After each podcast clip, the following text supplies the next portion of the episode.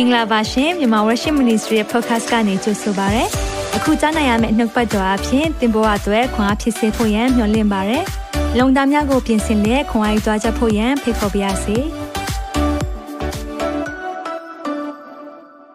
အားလုံးပဲမင်္ဂလာပါဒီနေ့ညမှာပြန်လည်ဆုံတွေ့ခွင့်ပေးတဲ့ဖျားရှင်နာမတော်ကိုအထူးပဲချီးမွမ်းတယ်အာမင်အခုကိုဗစ်ကိုတခုယေရှုတင်တယ်ဗာလေသိလားကျွန်တော်တို့အသင်းတော်ဘာလဲဆိုတာကိုသိချပြလိုက်တယ် အသင်းတော်ဆိုတာကျွန်တော်တို့နေရန်လေးဖက်နဲ့ဘောင်ခတ်ထားတဲ့အရာမဟုတ်ဘဲနဲ့အသင်းတော်ဆိုတာယုံကြည်သူများစုဝေးခြင်းဖြစ်တယ်အာမင်ဝန်ခံရအောင်ဒီနေ့သင်ဟာနော်ဒီနေ့ဖခင်ရဲ့အသင်းတော်ထဲမှာရှိတော်သူဖြစ်တယ်အသင်းတော်ထဲမှာတကယ်ကိုရှိတော်သူဖြစ်တယ်ဒါကြောင့်မလို့ဖခင်เจ้าမသွားရတာပဲရှိရှိမယ်ဟုတ်လားဖခင်เจ้าပိတ်ထားတာပဲရှိမယ်အသင်းတော်တော့ပိတ်လို့မရဘူးဒါကြောင့်အသင်းတော်ကတော့ဆက်လက် run နေတယ်ဒီညမှာလည်းစုံတွေ့ခွင့်ပေးတယ်ခါတိုင်းဒီအချိန်ဆိုကျွန်တော်တို့ဇလန်းနေနဲ့အချိန်ကုန်နေမှာပဲဒါမဲ့ဒီညမှာဖခင်ရဲ့နှုတ်ပတ်တော်နဲ့ အချိန်ယူတဲ့အတွက်အယံဝမ်းသာတယ်ဟာလေလုယာเนาะဒီနေ့မှာကျွန်တော်တို့ဒီအသင်းတော်ဆိုတဲ့အရာဒီဖခင်ရဲ့ မြစ်တာထဲမှာဖခင်ရဲ့အဲအရေးအောက်ထဲမှာအတူတကွရှိခြင်းဖြစ်တယ်ဆိုတာကိုဒီနေ့ပြန်လည်ပြီးတော့ကျွန်တော်တို့နားလေသဘောပေါက်ရအောင်ပြန်လည်ပြီးတော့ဒီအရာဝန်ခံရအောင်အာမင်။အကြောင်းဒီညမှာလည်းနှုတ်ပတ်တော်ခံယူဖို့အစဉ်သင့်ဖြစ်ကြပြီလား။ဒီနေ့မလိမ္မာသောသူကိုတဲ့နှုတ်ပတ်တော်လိမ္မာစေတယ်တဲ့အာမင်။ဘေးကလူကိုပြောလိုက်ဒီနေ့နှုတ်ပတ်တော်ကြောင့်ပိုလိမ္မာတော့မယ်နော်လို့ပြောရအောင်အာမင်။ဒီနေ့နှုတ်ပတ်တော်ကြောင့်သင်နဲ့ကျွန်ုပ်ပိုလိမ္မာဖို့ဖြစ်တယ်အာမင်။ဒါကြောင့်ဒီနေ့နှုတ်ပတ်တော်မှာကျွန်တော်တို့ထုံးစံအတိုင်းဝန်ခံနေကြနှုတ်ပတ်တော်ဝန်ခံရအောင်ဆာလံ139ခုမြောက်သောဆာလံ105နှုတ်ပတ်တော်သည်ကျွန်ုပ်ခြေရှိမှမိခွက်ဖြစ်၍ကျွန်ုပ်လန်ကီကိုလင်းစေပါ၏တစ်ခါတော့ထပ်မံဝန်ခံရအောင်နှုတ်ပတ်တော်သည်ကျွန်ုပ်ခြေရှိမှမိခွက်ဖြစ်၍ကျွန်ုပ်လန်ကီကိုလင်းစေပါ၏အာမင်ဒီနေ့နှုတ်ပတ်တော်ဟာသင်ပေသွားရမလဲဆိုတဲ့လမ်းပြမြေပုံဖြစ်တယ်တင့်ကိုလမ်းပြပေးမယ်မှောင်နေတဲ့အချိန်မှာအလင်းဖြစ်တယ်ဒါကြောင့်သင်ဘဝမှာမှောင်နေတယ်လို့ခံစားရင်နှုတ်ပတ်တော်အပြင်သင်ဘာလုပ်ရမလဲဆိုတာဖခင်ဖွင့်ပြပါစေအာမင်ဒါကြောင့်ကျွန်တော်ဒီနေ့ညမှာလည်းပြန်လဲစက္ကအနိုင်ရအောင်ဖခင်ရဲ့နှုတ်ပတ်တော်ကျွန်တော်ကြားမှာဖြစ်တယ်ဒါပေမဲ့တစ်ချိန်တည်းမှာပဲတီးဖို့ဟာစာတန်ကလည်းဒါကိုမကြောက်အောင်တိုက်ခိုက်မယ်တချို့မီးပြတ်သွားတယ်တဲ့ကြားလိုက်တယ်เนาะတွေးလိုက်တယ်ဒီနေ့ဖရားရဲ့နှုတ်ပတ်တော်မကြားဖို့ရန်အတွက်စာတန်အမြဲတားလိုက်မယ်ဘေးကပတ်ဝန်းကျင်အပြင်တော့၎င်းစိတ်ဆိုးခြင်းအပြင်တော့၎င်းလိုင်းကြတာတခုခုရှိတယ်အမြဲတမ်းဘာကြောင့်လဲ तू မကြားစေချင်ဘူးတင်နှုတ်ပတ်တော်ရသွားရင်တင်လွတ်မြောက်ပါလေ ဒါကိုစာတန်သိမ့်မုံတယ်ခိုးဖို့တတ်ဖို့ဖျက်ဆီးဖို့လုပ်နေတဲ့သူဖြစ်တယ်အဲကြောင့်ကျွန်တော်တို့စက္ကန့်အနိုင်ရအောင်ကျွန်တော်တို့ဆူတောင်းပေးပါဆ iam အတွက်ဆူတောင်းပေးပါ team အတွက်ဆူတောင်းပေးပါစက်ပစ္စည်းဒီမှာစာရေး internet line ဒီနေ့ဖျိုင်းနှုတ်ပတ်တော်မစည်းစင်းဘူးဆိုကျွန်တော်တို့ပြောတဲ့အရာအချင်းချင်းဖြစ်တယ်စာပဲဖြစ်လိမ့်မယ်အဲကြောင့်ဒီနေ့စာသင်မှာမဟုတ်ဘူး ဘဝကိုပြောင်းလဲစေတဲ့နှုတ်ပတ်တော်သင်မှာဖြစ်တယ်။ဟာလေလုယာဒီနှုတ်ပတ်တော်အပြင်ကျွန်တော်ဘဝပြောင်းလဲတယ်လို့ပဲသင်ဘဝလည်းဒီညမှာပြောင်းလဲမယ်လို့ရေရေကြီးအာမခံရဲတယ်။အာမင်။ဒါကြောင့်ဝိညာဉ်တော်ဘုရားကိုဖိတ်ခေါ်ရအောင်နေရာပေးရအောင်ကြိုးဆိုရအောင်သူ့ရဲ့လမ်းပြခြင်းနဲ့ကြွယ်ကာခြင်းရှိဖို့ရန်အစီအစဉ်မှာကိုရောရဲ့တာဝန်ချင်းယူခြင်းရှိဖို့ရန်အတွက်လက်ဝင်နိုင်နိုင်အောင်။သက်ရှင်တော်ဖျားနာမတော်ချီးမွမ်းနေဒီညမှာကိုရောပို့ဆောင်နေတယ်လမ်းပြနေတယ် ဒါကြောင့်ကျွန်တော်တို့တွေတရားမှတရားကိုရောရဲ့လက်ဝဲနိုင်ပုံအပ်တယ်တန်ရှင်းသောဝိညာဉ်တော်ဖျားကိုရောသင်ပေးခြင်းတဲ့အရာကိုရောပြောမဲ့အရာဒီနေ့ဝိညာဉ်တော်ဤဓာဖြစ်တယ်ကျွန်တော်ရဲ့ဓာမဟုတ်ဘူးဒေးဗစ်ကင်းရဲ့ဓာမဟုတ်ဘူးမက်ဆီကင်းရဲ့ဓာမဟုတ်ဘူးသင်ကြားတဲ့သူတွေရဲ့ဓာမဟုတ်ဘူးဝိညာဉ်တော်ဤဓာဖြစ်တဲ့အတွက်ကိုရောဝိညာဉ်တော်ဖျားကိုရောကိုယ်တိုင်အသုံးပြုပါကိုရောကိုယ်တိုင်ဥဆောင်ပါမာနရဲ့ တိုက်ခိုက်ခြင်းတဲ့အရာနှောက်ယှက်ခြင်းတဲ့အရာအလုံးကိုလည်းယေရှုနာမ၌တားဆီးဖယ်ရှားတယ်ဒီနေရာမှာသင်ရှင်းသောဝိညာဉ်တော်ဖျားတရားမှာတရားအလုံးလုံးတဲ့နေရာဖြစ်ကြောင်းကြီးညာတယ်ဘုချီအားဖြင့်မဟုတ်အာနာအားဖြင့်မဟုတ်ငါဝိညာဉ်အားဖြင့်သာဖြစ်မယ်လို့ပြောတဲ့အတိုင်းပဲတန်ရှင်းသောဝိညာဉ်တော်အားဖြင့်သာဖြစ်စေပါအစီအစဉ်အစလည်းဆုံးမှာကိုရဲ့ပါရှိခြင်းတန်းပြခြင်းကိုတောင်းခံပါ၏ခင်ယေရှုရဲ့မြတ်သောနာမ၌စက္ကန့်နဲ့ဆုတောင်းပါ၏အာမင်အာမင်ဒီနေ့အာယေရှုတင်တဲ့အကြောင်းမလို့ နှုတ်ပတ်တော်တွေကျွန်တော်လေ့လာလာတာဆိုရင်အခုဆိုရင်အာဒါဆိုရင် episode ဘယ်နှခုတောင်ရောက်သွားပြီလဲခုနှစ်ခုရှိသွားပြီเนาะ episode ခုနှစ်ခုရှိသွားပြီလက်နက်နံပါတ်6เนาะဆိုတော့ပထမကျွန်တော် introduction အတွက် episode တစ်ခုဖြစ်တဲ့အတွက်ကြောင့်မလို့ episode အနေနဲ့တော့ခုနှစ်ခုဖြစ်တယ်အပိုင်းခုနှစ်ရောက်သွားပြီလက်နက်နံပါတ်6အကြောင်းပြောသွားမယ်ဆိုတော့ဒီနေ့ကတော့ဝိညာဉ်တော်ရဲ့ဓာတ်အကြောင်းပြောပြမယ် ကျွန်တော်တို့တွေပြန်နှွေးတဲ့သဘောအနေနဲ့တချို့လေးတွေပြန်ကြည့်အောင်ကျွန်တော်တို့ spiritual warfare ဆိုတာဝိညာဉ်စစ်ပွဲဖြစ်တယ်အဲ့ဒီဝိညာဉ်စစ်ပွဲတွေမှာတင်တဲ့ကျွန်တော်ဟာရှိမှန်းမသိရှိနေတာဖြစ်တယ်နော်ဒါကိုမသိတဲ့သူတွေရှိတယ်တခါတလေအမှုတော်ဆောင်ဆရာတင်ပင်လင်ဝိညာဉ်စစ်ပွဲထဲမှာသူတို့ရှိနေတယ်ဆိုတာမသိဘူး။ဒါကြောင့်မလို့မြောက်များစွာမဆုံးရှုံးသင့်ပဲဆုံးရှုံးတဲ့အရာတွေရှိတယ် ။ဒါကြောင့်ကျွန်တော်ဝိညာဉ်စစ်ပွဲနဲ့ပတ်သက်ပြီးတော့ APEC Oraza ခန်းကြီး6အငယ်30ကနေ18ထဲမှာပါတဲ့အကြောင်းအရာကိုသင်ကြားလာတာဖြစ်တယ်။ဆိုတော့ဒီအကြောင်းအရာသင်တဲ့အခါမှာကျွန်တော်အချက်5ချက်ကိုအမှတ်ရစေချင်တယ်။အဲ့ဒါဘာလဲဆိုတော့စာတန်ဒီခိုးမယ်ဖြက်မယ်တတ်မယ်နော်ဖြက်စီးဖို့ဓာတုရဲ့အလုပ်စာတန်ရဲ့ဒို့တာဝန်အရေးသုံးပါလို့ကျွန်တော်မကြာခဏပြောသလိုပဲခိုးမယ်တတ်မယ်ဖြက်စီးမယ်ယောဟန်10မှာပြောတယ်ဒါပေမဲ့သခင်ယေရှုကတော့ငါမူကားသူတို့ဒီအသက်လွတ်ယုံများမကအထူးသဖြင့်အသက်နဲ့ပြည့်စုံစေတယ်လို့ပြောတယ်။ဒါကြောင့်မလို့စိုးရင်စရာမရှိဘူး။ဒါပေမဲ့သင်သိဖို့ကခိုးဖို့တတ်ဖို့ဖျက်ဆီးဖို့အမြဲချောင်းမြောင်းတော့သူရှိတယ်။ဘလောက်ထိချောင်းလဲဆိုတော့တစ်ပင်ငါအငယ်၈နဲ့9မှာဘယ်လိုပြောလဲဆိုတော့ဟောက်တော့ချင်သိချင်းသိလိုမျိုးပဲအမြဲဟောက်နေတယ်။ဒါပေမဲ့သူကချင်းသိအစ်စ်မဟုတ်ဘူး။ Lion of Judah ချင်းသိအစ်စ်ကသခင်ယေရှုဖခင်ဖြစ်တယ်။ Hallelujah ။အဲကြောင့်မလို့တမာတိရှိဖို့နဲ့မာနကိုစီးတာဖို့ရန်အတွက် ပြင်ဆင်ဖို့ရန်အတွက်တစ်ပေငါးထဲမှာကျွန်တော်တို့ပြောတယ်ထုံနည်း၎င်းပဲကျွန်တော်ရန်သူဟာအသွေးသားရှိတဲ့ရန်သူမဟုတ်ဘူးအသွေးသားမရှိဘူးဒါကိုကျွန်တော်သိစေချင်တယ်နော်ဒါပေမဲ့အသွေးသားရှိတဲ့သူကိုအမြဲတမ်းအသုံးချတယ်အသွေးသားရှိတဲ့သူတွေကအခွင့်ပေးပြီးဟဲ့ဆိုအသုံးချတယ်အဲကြောင့်ကျွန်တော်ပြောပြချင်တယ်စာတန်ကအဝေးကနေတခါတည်းမလာဘူးအနီးကပ်လာတယ်နော်တခါလေအနီးကပ်လာတဲ့အခါမှာဒီနေ့သုံးမဲ့လက်နဲ့ဝိညာဉ်တော်ဓာတ်သည်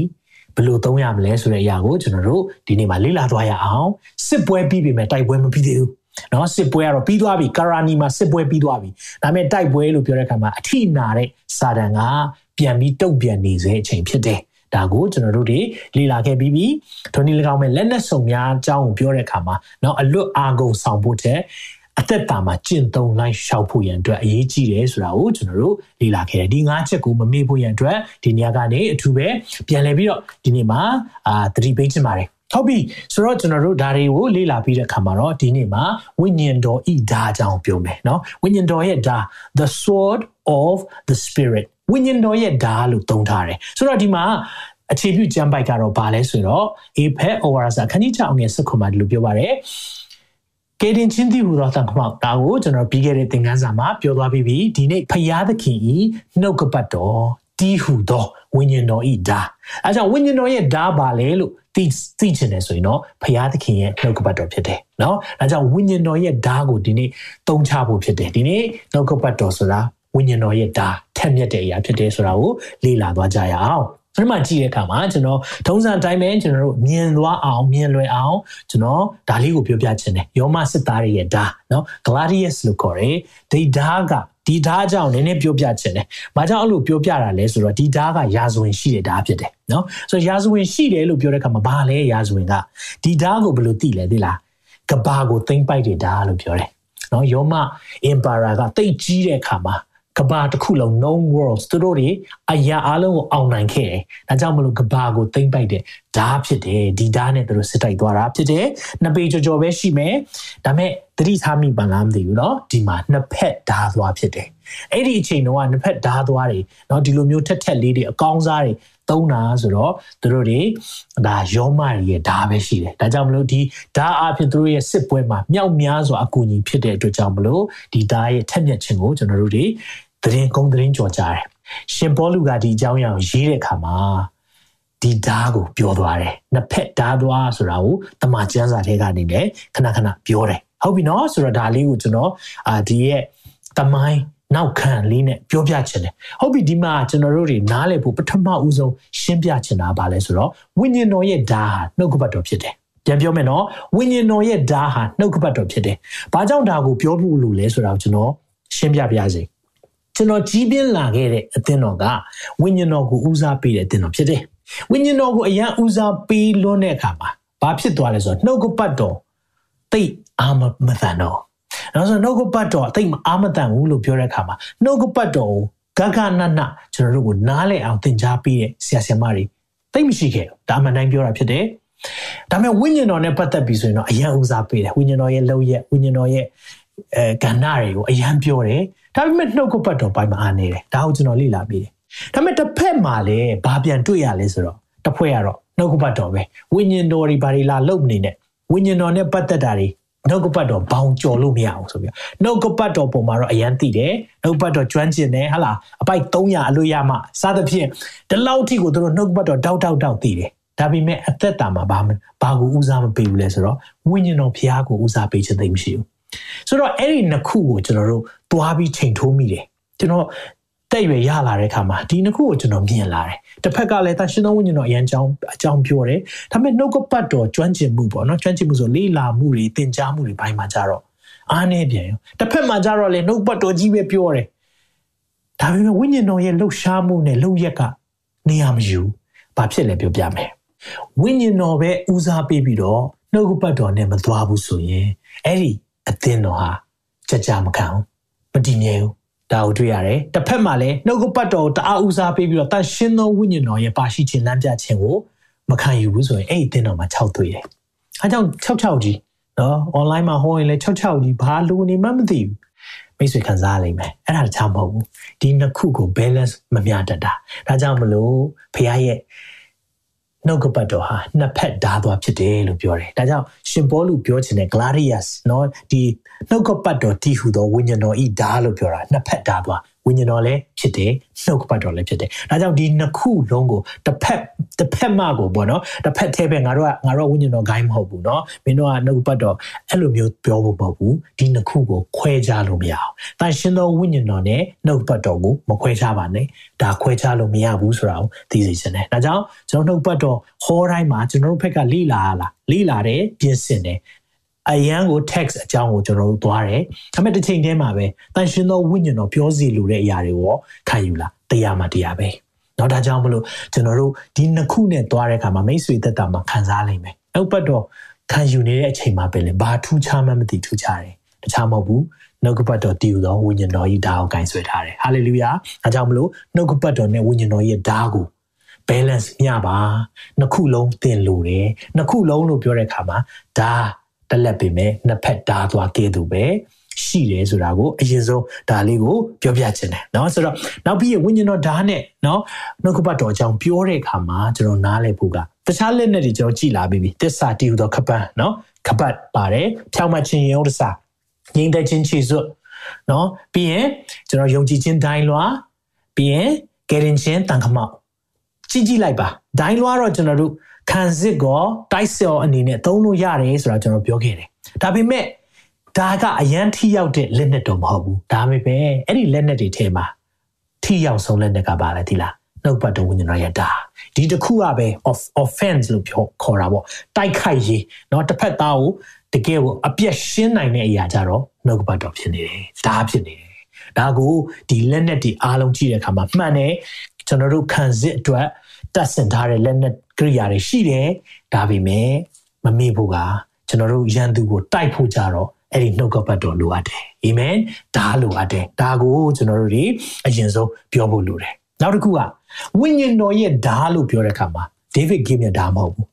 ဟောတဲ့ဆရာရဲ့ဓာလည်းမဟုတ်ဘူးအဲကြောင့်ကျွန်တော်တို့ကတခါလေကြာဒီစာအုပ်ကိုလှန်ပြီးတော့ကိုယ်ဓာလို့ပဲကြိုက်တယ်လို့သုံးတယ်မရဘူးဝိညာဉ်တော်ရဲ့ဓာဖြစ်တဲ့အတွက်ဝိညာဉ်တော်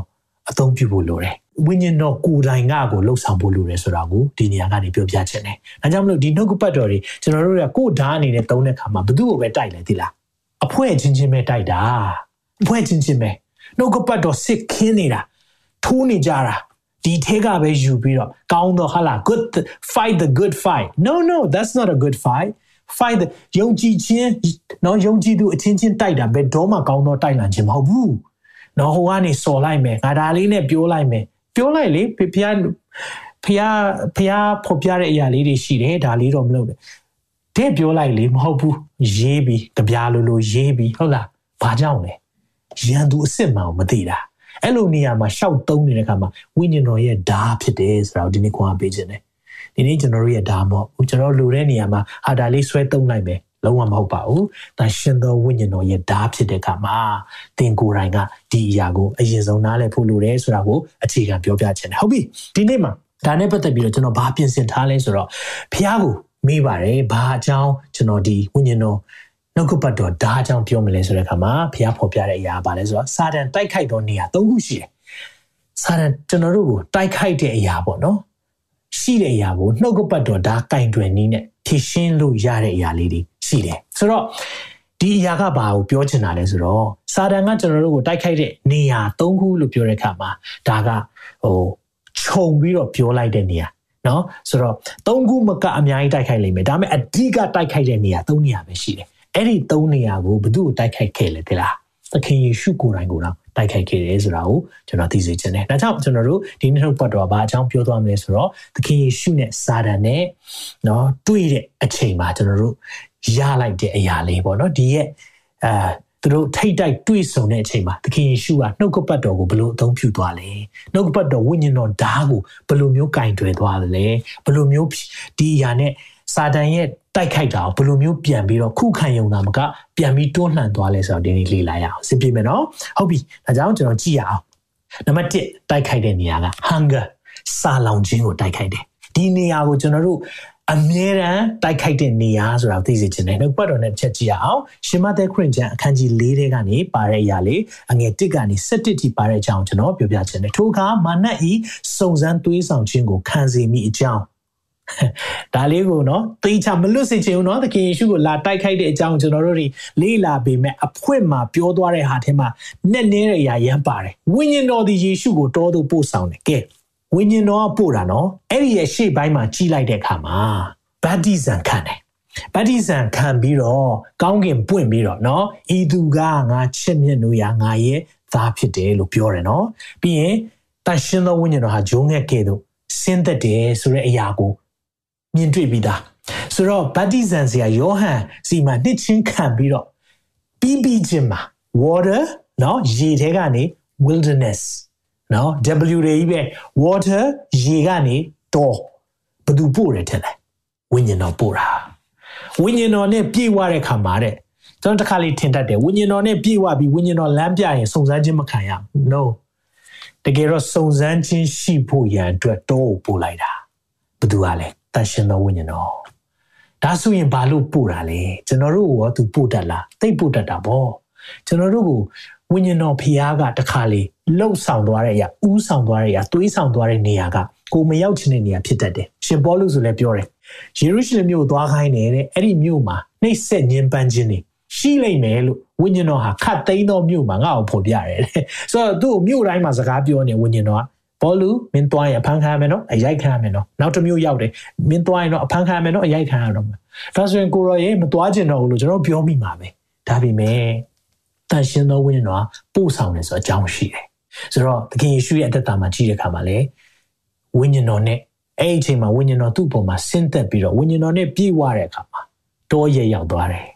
ဒါကြောင့်မလို့တခါလေကျွန်တော်တို့နှုတ်ကပတ်တော်တွေကိုသေချာလေ့လာတဲ့အခါမှာဖျားဘာလို့စီချင်တာလဲဆိုတာအများကြီးရှိတယ်။အဲကြောင့်ကျွန်တော်တို့ဝိညာဉ်တော်နဲ့ပြေဝိုင်စာတန်ကိုကင်နေလိုက်မယ်။နော်စုံစမ်းခြင်းထဲမှာကျွန်တော်တို့ရောက်သွားတဲ့အချိန်ရှိတယ်။ဒါပေမဲ့အဲ့ဒီမှာလွတ်မြောက်ရလမ်း ဖျားပြင်ဆင်တယ်။ဒါကိုလေးတစ်ချက်ကြည့်အောင်နော်။ဟုတ်ပြီအဲ့ဒီမှာကြည့်တဲ့အခါမှာယေရှုဒီအရက်40ပတ်လုံးအစာအာဟာရကိုမသုံးဆောင်မဲနေပြီးမှမွတ်သိမ့်ခြင်းတို့ရောက်တယ်။အရက်40အစာမစားမှတော့စားလောင်ပြီပေါ့။ဆိုတော့ဒီအချိန်မှာစာတန်အမြဲတိုက်ခိုက်တတ်တယ်။ဒါကြောင့်နံပါတ်1ကသင်ရဲ့စာလောင်ခြင်းသင်ရဲ့မွတ်သိမ့်ခြင်းဘယ်နေရာမှာရှိလဲ။အဲ့ဒီနေရာကိုလာထိုးနေမယ်။ဆိုတော့ဒီနေရာမှာသခင်ယေရှုကဗိုက်စားတယ်။အစားစားခြင်းမှာပဲ။အဲ့ဒီအချိန်မှာဆိုရင်အစားနဲ့လာတယ်။ ဆိုတော့တချို့တွေကဘဝမှာဘာမွတ်သိမ့်လဲမသိဘူး။တချို့ကလေမေတ္တာရမ်းငတ်တယ်လို့ရှိတယ်။အဲ့လိုဖြစ်တဲ့အခါမှာစစ်မှန်တဲ့သခင်မေတ္တာဖက်ကိုမလာဘဲနဲ့မဟုတ်တဲ့နေရာမှာသွားပြီးမေတ္တာရှာမိတဲ့လူတွေရှိတယ်နော်လူတွေရဲ့မေတ္တာကိုခံကျင်တဲ့သူတွေရှိတယ်အဲ့လိုမျိုးမွတ်သိမ့်ခြင်းစာငတ်ခြင်းမှာတိုက်ခိုက်လေးရှိတယ်အဲကြောင့်တင်ပါစာငတ်နေလေဒီချိန်မှာဒီဟာကိုကျွန်တော်ဆင်ခြင်ရအောင်နော်တင်စာငတ်တဲ့အရာဟာဖျားရဲ့ ပြုလုပ်တဲ့အရာဖျားမပါတဲ့အရာဖြစ်နေတယ်ဆိုရင်တော့ရောင်ရဲခြင်းရှိမှာမဟုတ်ဘူးတင်းတိမ်ခြင်းရှိမှာမဟုတ်ဘူး satisfy ကြည်နပ်ခြင်းဝါပြောခြင်းရှိမှာမဟုတ်ဘူးဒါကိုသခင်ကဘယ်လိုမျိုးဖြစ်ရှင်းသွားလဲကြည့်ရအောင်ကဲဟုတ်ပြီမွတ်သိမ့်နေပြီဘာလာလုပ်လဲထို့အခါစုံစမ်းသွေးဆောင်တော်သူသည်ချင်းကပ်၍စုံစမ်းသွေးဆောင်တဲ့သူလာပြီ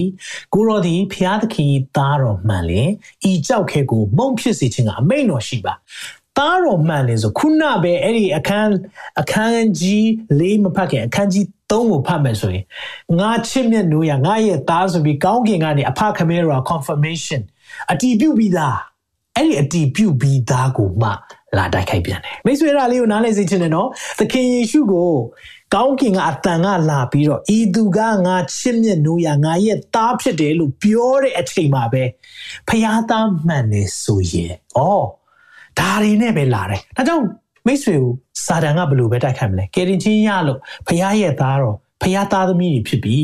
เนาะအပြစ်သားမဟုတ်တော့ဘူးကယ်တင်ခြင်းအပြင်ကောင်းကင်သားဖြစ်ပြီလို့ပြောရင်မင်းကောင်းကင်သားမှန်နေဆိုရင်ဒါပဲလာပြီမင်းကယ်တင်ခြင်းရပြီပြီဆိုရင်လာပြီဒါတွေဆိုရင်ဒါနဲ့ပဲလာတာဒါကြောင့်ဒီမှာတစ်ချက်ပြန်ကြည့်အောင်အဲ့မှာဗာပြောလဲကြောက်ခဲကိုတဲ့မုံဖြစ်စီခြင်းကလုပ်ပါတဲ့ယေရှုကလည်းလူသည် မုံအားဖြင့်သာအသက်ကိုမွေးရမည်မဟုတ်ဘုရားသခင်မိန့်တော်မူသူများအားဖြင့်အသက်ကိုမွေးရမည်ဘုရားသခင်မိန့်တော်မူတဲ့ the word နှုတ်ကပတ်တော်စကားတော်ဖခင်ရဲ့ထွက်တဲ့စကားတော်အားဖြင့်ပဲအသက်မွေးရမယ်လို့ကျမ်းစာလာတယ်တဲ့။ဟုတ်ပြီကျမ်းစာလာတယ်။ဒီမှာတော့ဒီစကားလုံးလေးကိုမှတ်ထားပါကျမ်းစာလာတယ်။အင်္ဂလိပ်လိုဆိုဘယ်လိုရေးထားလဲဆို it is written it is written ရေးထားတယ်ကျမ်းစာထဲမှာရေးထားတဲ့အရာ နော်ဆိုတော့ကျွန်တော်တခါလေးကျကျမ်းစာကျမ်းစာမဖတ်နဲ့နှုတ်ကပတ်တော့အဲခွဲတယ်နော်ဒါပေမဲ့ဒီမှာသခင်ယေရှုသုံးသွားတဲ့အသုံးလုံးလေးကြည့်လိုက်ကျမ်းစာလို့ပဲသုံးတယ် it is written ကျမ်းထဲမှာရေးထားတဲ့အရာဒါဆိုဘယ်တွေကရေးတာလဲတစ်ချက်လောက်ကြည့်အောင်ဘယ်တွေကရေးတယ်တင်တယ်ဘယ်နှုတ်ကပတ်တော်သူပြန်ပြီးတော့ယူထားတယ်လို့ထင်လဲเนาะ reference ပေါ့เนาะကျွန်တော်တို့အခုချိန်ဆိုရင်เนาะ reference ယူတယ်မိုက်ဘယ်အရာကိုသူနှလုံးသွင်းထားတဲ့အခါမှာဘယ်အရာကိုပြန်ထုတ်တယ်เนาะဆိုတော့အထဲကရှိတဲ့အရာကိုသူထုတ်လာတယ် ဘာထုတ်လာလဲဘယ်တွေကလဲတကယ်ရှုတကယ်ပြောတဲ့အရာဒီတရားဟောခြင်းခန်းကြီး၈အငယ်၃အကြောင်းဖြစ်တယ်ထို့သောတင့်ကိုဒါကတရားဟောခြင်းကိုကျွန်တော်ဖတ်တဲ့အခါမှာဘာနားလဲရလဲဆိုတော့မောရှေကခါနန်ပြည်တဲ့ကိုဝင်ခွင့်မရအောင်ဝင်ခွင့်မရတဲ့အခါမှာအသက်20အောက်လူငယ်အားလုံးနဲ့အတူခေါင်းဆောင်နှစ်ယောက်ဖြစ်တဲ့ယောရှုနဲ့ကာလက်ကိုနောက်ဆုံးမှားတာဖခင်ရဲ့စကားတော်တွေနဲ့ပတ်သက်ပြီးတော့ အမှားစကားပြောတဲ့အရာကိုတရားဟောရကျမ်းထဲမှာကောင်းကောင်းတွေ့ရတယ်။အဲ့ဒီမှာဗာပြောလဲဆိုတော့အငယ်3မှာအခန်းကြီး8အငယ်3မှာထို့သောတင့်ကိုနှိမ်ချ၍အငတ်အမွတ်ခံစေတော်မူသောအခါတင်းဒီကိုယ်တိုင်မသိတင်းဤဘိုးဘေးမသိဘူးသောမာနနဲ့မာနမုတ်နဲ့ကြွေးတာကိုပြောတာဖြစ်တယ်မာနနဲ့ကြွေးမွေးတော်မူသဖြင့်လူသည်မုတ်အားဖြင့်သာအသက်ကိုမွေးရသည်မဟုတ်ဘုရားသခင်မိန့်တော်မူသမျှအားဖြင့်အသက်မွေးရသည်ကို တည်စီတော်မူ၏ဟာလေလုယာဒီနေ့ဒီရဲ့နှုတ်ကပတ်တော်ကျမ်းစာကိုသခင်ယေရှုကရှင်မသက်ခရစ်ဝင်အခန်းကြီး၄မှာမှတ်တမ်းတင်တဲ့အခါမှာအဲ့ဒီမှာသုံးသွားတယ်တွေ့လားမဿဲကမှတ်တမ်းတင်ထားတယ်ဘယ်တွေကလဲလို့ကျွန်တော်ကြည့်တဲ့အခါမှာတရားဟောရကျမ်းတွေကိုထဲကအကြောင်းအရာကိုသခင်ယေရှုကိုယ်တိုင်ယူပြီးတော့သုံးသွားတယ်ဒါပါလေ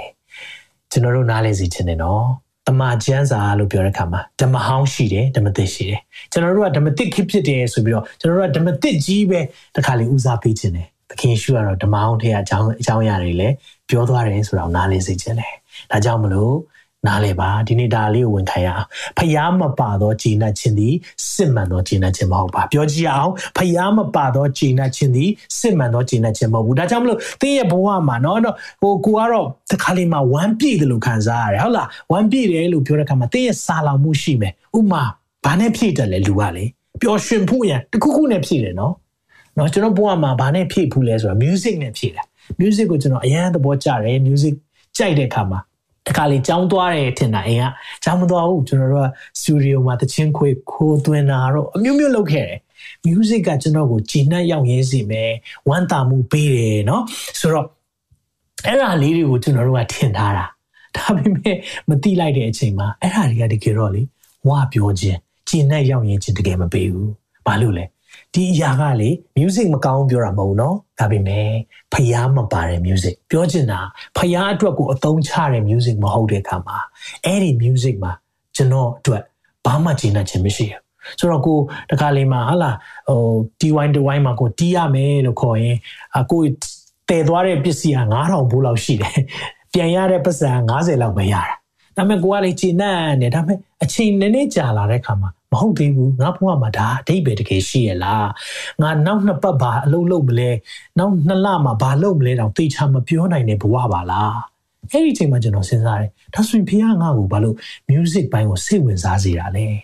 တကယ်တော့လေဖခင်ကကျွန်တော်ကို music ပေးထားတာ worship မှာအသုံးပြုဖို့ဖခင်ကိုကိုးကွယ်ခြင်းမှာထီရောက်စွာအသုံးပြုဖို့အရာအတွက်ငယ်စဉ်ကတည်းကကျွန်တော်ကိုဖိတ်သိထားတာဒါပေမဲ့အဲ့ဒါကိုနေရာမှားသွားတဲ့အခါမှာ ကျွန်တော်ဘဝမှာလေတကယ်ဝပြောတဲ့အရာမရှိခဲ့ဘူးတကယ်ဟို physically တောင်မဝပြောရဝမ်းတောင်မဝအောင် music နဲ့လှုပ်ရှားတဲ့အခါမှာအဲ့လိုဖြစ်တယ်ပြောချင်တာပါလေဒီနေ့နှုတ်ပတ်တော်ထဲမှာကျွန်တော်လေ့လာတာသဘောပေါက်ပြီဖျားမပါတဲ့ဂျီနတ်ခြင်းဟာစစ်မှန်တဲ့ဂျီနတ်ခြင်းလုံးဝမဖြစ်ဘူး satisfy ဘဝပြောတဲ့အခွင့်လုံးဝမရှိဘူးဆိုတာကိုသိစေချင်တယ်။ဒါကြောင့်မိတ်ဆွေဒီနေ့ဘာနဲ့ဖြည့်နေလဲမသိဘူး။တချို့ကလေဟာပြောချင်းလားအရက်တောက်လိုက်လေအရက် တောက်လိုက်တော့ပျော်တယ်လို့လို့ဖြစ်ပေမဲ့အရက်မူးပြေသွားရင်မပျော်တော့ဟုတ်တယ်မလားခေါင်းတွေကင်ပြီးတော့နောက်ရက်မှာမပျော်တော့လောင်စားလှုပ်လိုက်ပျော်သွားမယ်လောင်စားတကယ်လှုပ်ကြည့်တယ်မပျော်ဘူးလေငွေတကယ်ကုန်သွားတော့ပိုးပြီးပူဆွေးတော့ခဖြစ်လာတယ်အာဒါဆိုရင်ဝီစေဝါနဲ့ဖြည့်ကြည့်လိုက်အာမြောက်ပြီးတော့ဟာလာကောင်းသွားတယ်ဟာလာဒါပေမဲ့မြောက်သွားတာပဲရှိတယ်ပြန်ကြတဲ့ချိန်ကအရန်ထိနာတဲ့ချိန်တွေအများကြီးရှိတယ်ဒါကိုကြည့်ချင်ရမြင်ပါလေ satisfy ကြည်နပ်ခြင်းတင်းရဲ့စာလောင်ခြင်းဟာလေ ကောင်းကင်မုတ်ကောင်းကင်ရဲ့အသက်မုံဖြစ်တဲ့သခင်ယေရှုနဲ့မဖြည့်ဘူးဆိုရင်တော့သင်စားတောက်နေတဲ့အရာသင်လောက်ကင်နေတဲ့အရာဘယ်တော့မှသင်ဝမ်းဝါမှာမဟုတ်ဘူးဘယ်တော့မှခြေနဲ့ရောက်ရဲခြင်းပေးမှာမဟုတ်ဘူးလို့ဆိုလိုတာဖြစ်တယ်။အဲကြောင့်မလို့ဒီနေ့မာနမုတ်အသက်မုံကိုစားရအောင်ဟာလေလုယာနံပါတ်1ချက်သွားရအောင်အဲ့ဒါဘာလဲဆိုတော့စာရန်ဘာနဲ့ကျွန်တော်တို့တိုက်ခိုက်လေးရှိလဲဆိုတော့ power ကိုယ့်ရဲ့တတ်နိုင်ခြင်း နော်တတ်နိုင်ခြင်း power လှုပ်ဆောင်နိုင်ခြင်းအစွမ်းတကူဒါနဲ့ကျွန်တော်တို့ကိုတိုက်ခိုက်လေရှိတယ်ဒီမှာဗာတွေ့ရလဲဆိုတော့အဲ့ဒီမှာမာနကတခါတိုက်ခိုက်တာပြီးပြီလားမပြီးသေးဘူးသူသိတယ်တကယ်စာလောင်တခင်ယေရှုကိုတိုက်ခိုက်တဲ့ကမှာတကယ်စာလောင်မသိခြင်းရှိနေတဲ့အချိန်မှာဖြစ်ပေမဲ့သိတာဖခင်ရဲ့နှုတ်ကပတ်တော်နဲ့ဝပြောနေတယ်ဆိုသိတော့ဒါနဲ့တော့ဆမ်းလို့မရအောင်နောက်တစ်ခုနဲ့ဆမ်းမယ်ဘာနဲ့လာဆမ်းလဲ power နဲ့လာဆမ်းတယ် ဘလို့ဆန်းလဲကြည့်အောင်အငယ်9မှာလို့ပြောတယ်ရှင်မသက်ခရစ်ဝင်ကျမ်းခန်းကြီးလေးအငယ်9မှာထိုအခါမှာနတ်သည်ယေရှုကိုတန်ရှင်တော်မြို့တော်သို့ခေါ်ဆောင်သွား၏တန်ရှင်တော်မြို့တော်ဆိုရင်တော့အမြဲတမ်းကျွန်တော်သိဖို့ကယေရုရှလင်မြို့ဖြစ်တယ်ခေါ်သွား၏ဗိမာန်တော်၏အထွတ်၌တင်ထားပြီလေယေရုရှလင်မြို့ရဲ့ဗိမာန်တော်ထက်မှာရောက်နေတယ်။ကျမ်းစာလာဒီကကောင်းကင်တမန်တော်ဟာတင့်ဖို့မှားထားတော်မူသည်ဖြစ်၍တင်းချီကိုကြောက်နေမတိမခိုက်စေခြင်းကသူတို့သည်တင့်ကိုလက်နေမဆချီပင်ကြလိမ့်မည်ဟုလာ၏။ကျမ်းစာပြောသွားတယ်။ ယုံကြည်သူများကိုမေးလိုက်ပါဦးမယ်။အဲ့ဒီကျမ်းစာဘယ်ကလာလဲ။ဘယ်ကျမ်းကိုသုံးတာလဲ။စာတန်သုံးတဲ့ကျမ်းကိုပြောတာနော်။ဘယ်ကျမ်းကိုသုံးလဲ။ချော်ရီတီပါလိမ့်မယ်60ခုမြောက်သောစာလံအပိုင်ငယ်7ကနေ7ထဲကအကြောင်းအရာကိုသုံးသွားတာတချို့မသိဘူးခရိယန်တွေစာတန်ကောင်းကောင်းသိတယ်အလို့ရနေဒါပေမဲ့တခုပြောပြချင်တယ်နှုတ်ကပတ်တော်လာပြောတိုင်းဖျားလူမဟုတ်ပြန်ပြောမယ်နော်နှုတ်ကပတ်တော်ဟောပြောတိုင်းဖျားလူဟုတ်ချင်မှဟုတ်လိမ့်မယ် ဘာကြောင့်လဲဆိုတော့ out of context လို့ခေါ်တယ်အကျိုးအကြောင်းဆက်ဆက်ခြင်းမရှိပဲသုံးနေရငါကိုခွန်အားနဲ့ပြည့်စုံတော်မူသောခရစ်တော်အားဖြင့်ခတ်သိမ်းတော်မူတော်ငါတတ်ဆွမ်းနိုင်တယ်မနှယောက်ကြိုက်လဲနှုတ်ပတ်တော်တကယ်ကြိုက်လားတကယ်ကြိုက်ရင်အဲ့ဒီအပေါ်ပိုင်းကိုဖတ်ကြည့်လိုက်ပေါလုရဲ့ဘဝမှာဆုပ်ပြတ်တတ်နေတဲ့အချိန်မှာ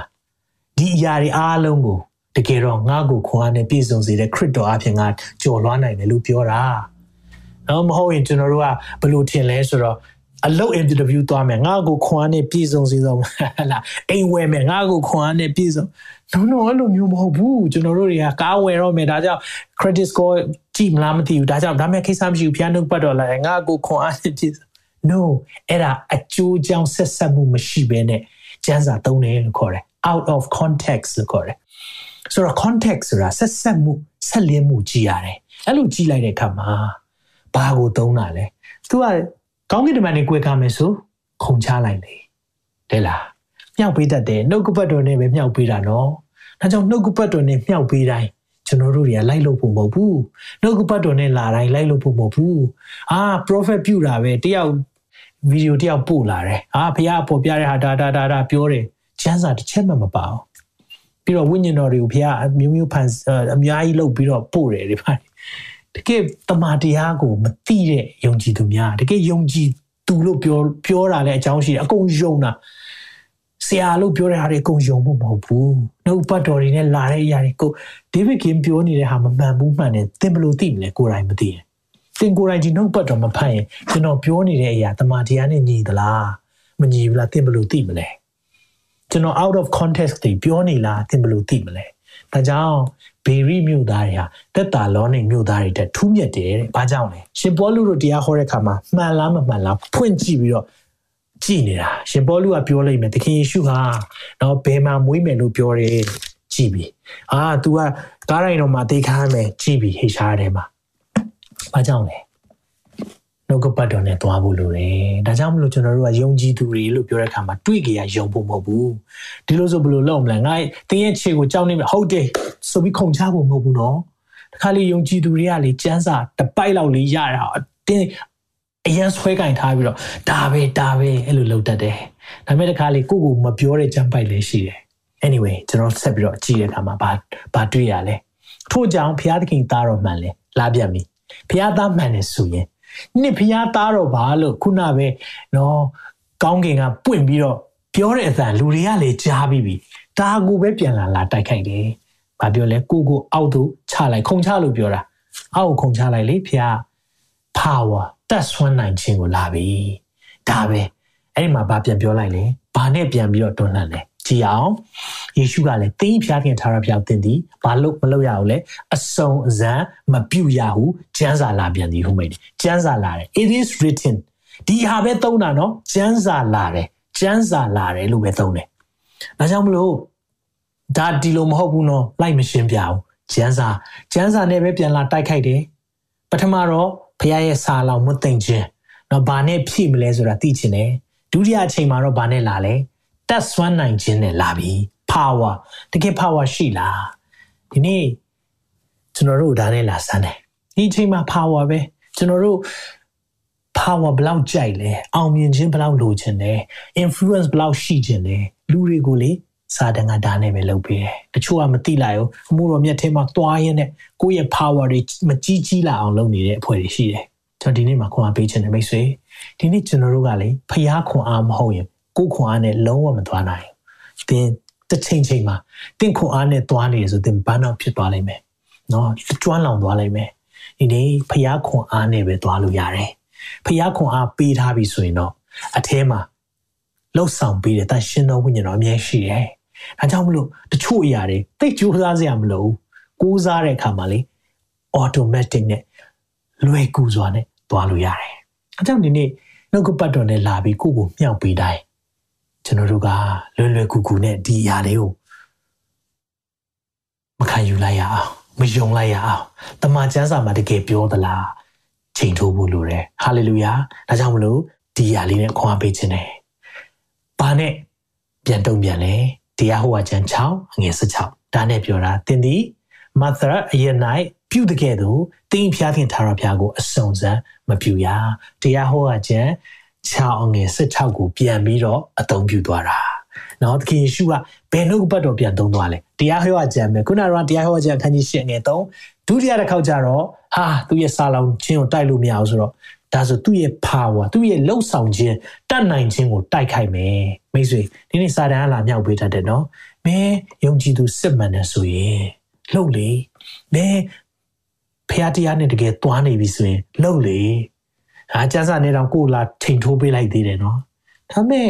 ကျွန်တော်တို့နားလည်ဖို့ကပါလေဒီနေ့မှာဘာနားလဲရမလဲဖះမပါတဲ့အောင်မြင်ခြင်းဟာစစ်မှန်တဲ့အောင်မြင်ခြင်းမဟုတ်အဲကြောင့်တစ်ခါလေးမှလေအောင်မြင်လို့ဖះသားသမီးပဲအောင်မြင်မှမှာပေါ့ဟုတ်လားအဲ့ဒါကျမ်းမှန်ချမ်းသာဒေသနာလို့ခေါ်တယ်အောင်မြင်ရမှာပေါ့ဖះသားသမီးတွေအောင်ကိုအောင်မြင်ရမယ်လှုပ်လှုပ်ဆရာရှိတာလှုပ်ချိန်ဆွဲတယ်လှုပ်မြောက်ပြီးတယ်ဖះနှုတ်ပတ်တော်တွေပဲသုံးသွားတယ်ဒါပေမဲ့ ဖះရဲ့အကြံစီထဲမှာမရှိတဲ့အရာစစ်မှန်သောအောင်မြင်ခြင်းမဟုတ်ဘူးလူပဲများရင်များသွားနိုင်မယ်ဟုတ်လားဒါပေမဲ့လှုပ်ဆောင်မှုပဲများရင်များသွားလိုက်မယ်အကျိုးသက်ရောက်မှုကြတော့မရှိဘူးဒီနေ့ကျွန်တော်တို့လှုပ်ဆောင်မှုများတာ plan နေကောင်းတာတဲ့ impact ဆိုတဲ့ထိရောက်မှုရှိတဲ့အရာလှုပ်ဆောင်ဖို့လိုတယ်လူတယောက်တည်းကိုပဲကိုကြည့်ရှုရတယ်ဆိုပါစို့နော်ကိုယ့်ရဲ့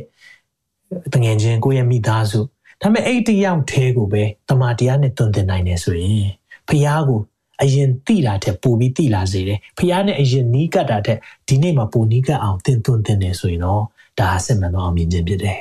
ဒါအောင်မြင်တယ်ဒီနေ့ quality တဲ့နော် quality ထက်ပိုကောင်းတာမရှိဘူး quantity များပြီးတော့ဟုတ်လားလောက်တာအယမ်းများပြီးတော့တကယ်တမ်းကျတော့ကျွန်တော်လည်းအရင်အဲ့လိုမျိုးကြိုက်တယ်အများကြီးလုပ်မယ်ဟိုကလည်းလုပ်ချင်တရားလည်းလုပ်ချင်နော်ဖះငါခိုင်းတာပဲလုပ်ပါငါခိုင်းတာပဲလုပ်ငါတာဝန်ယူမယ် ဖះရဲ့တာဝန်ယူခြင်းကဘယ်မှာတွေ့ရလဲသလားဖះပါတဲ့အောင်မြင်ခြင်းကသာစစ်မှန်တဲ့အောင်မြင်ခြင်းဖြစ်တယ်ဒါကြောင့်မလို့သင်ခုံချဖះမပါဘူးဆိုခြေကျိုးသွားလိမ့်မယ်နော်နောက်ကပတ်တော်ပဲသုံးတာပဲဟုတ်လားကျုံကျုံရတယ်အများကြီးပဲကျွန်တော်တို့တွေသင်တော်တွေချုပ်မှသွားတဲ့အခါမှာနှုတ်ကပတ်တော်ဆွဲမြဲစွာဂိုင်ပြီးတော့တယူတန်နေတဲ့လူတွေအများကြီးတွေ့ရတယ်။ယုံကြည်သူတွေပဲဝမ်းနေဖို့တိုက်ကောင်းတယ်။ဘာကြောင့်လဲ။ငါလူတို့ဒီပညာနည်းသောကြောင့်ပျက်စီးဆုံးရှုံးတယ်။ အဲကြောင့်ဒီနေ့တမန်တရားထဲမှာ တကယ်နားလည်ဖို့လိုတယ် out of context ဆိုတဲ့အကျိုးအကြောင်းမဆက်ဆက်ပဲနဲ့လာပြီးတုံ့နှုံသွားတဲ့နှုတ်ပတ်တော်တွေကိုတတိထားဖို့ဖြစ်တယ်เนาะဒါဒါကြောင့်မလို့ခုနပြောတဲ့ငါ့ကိုခွန်အားနဲ့ပြည့်စုံတယ်အဲ့ဒါကိုမကြိုက်လို့ပြောတာမဟုတ်ဘူးဒါပေမဲ့ဘယ်အချိန်မှဒီဟာသုံးရလဲဆိုတာကိုအပေါ်အောက်ဆက်ဆက်ပြီးဖတ်ကြည့်တဲ့အခါမှာသင်နားလည်လိမ့်မယ်ဒါကိုပြောပြချင်တာဖြစ်တယ်ဟုတ်ပြီနောက်တစ်ချက် ဘယ်နေရာမှာတိုက်ခိုက်လဲဟုတ်ပြီတင်းကိုစာငတ်မှုနေရာမှာတိုက်ခိုက်တယ်ဒါပေမဲ့တင်အနုပတ်တော်နဲ့ပြည်နေတယ်တင်းကိုတတ်နိုင်ခြင်းရှိလားတိုက်ခိုက်တယ်ဒါပေမဲ့တင်းကိုယ်တိုင်နဲ့တင်မလုပ်ပဲနဲ့ဖခင်ရဲ့တတ်နိုင်ခြင်းနဲ့ပဲတင်သွားနေပြန်ရောဒါဆိုရင်တော့သိကြပြီတင်းရဲ့ကိုးကွယ်ခြင်းကိုလာတိုက်ခိုက်တော့မယ်တင်းဘယ်အရာကိုတန်ဖိုးထားလဲဘယ်အရာကိုအမျက်တနိုးထားလဲလောကရဲ့စီးစိမ်နဲ့လာပြီးရှင်ပေးတော့မယ်ဒါကိုကြည့်အောင် အဲ့ဒီမှာတပံမာနတိအငယ်ရှင်းမှာ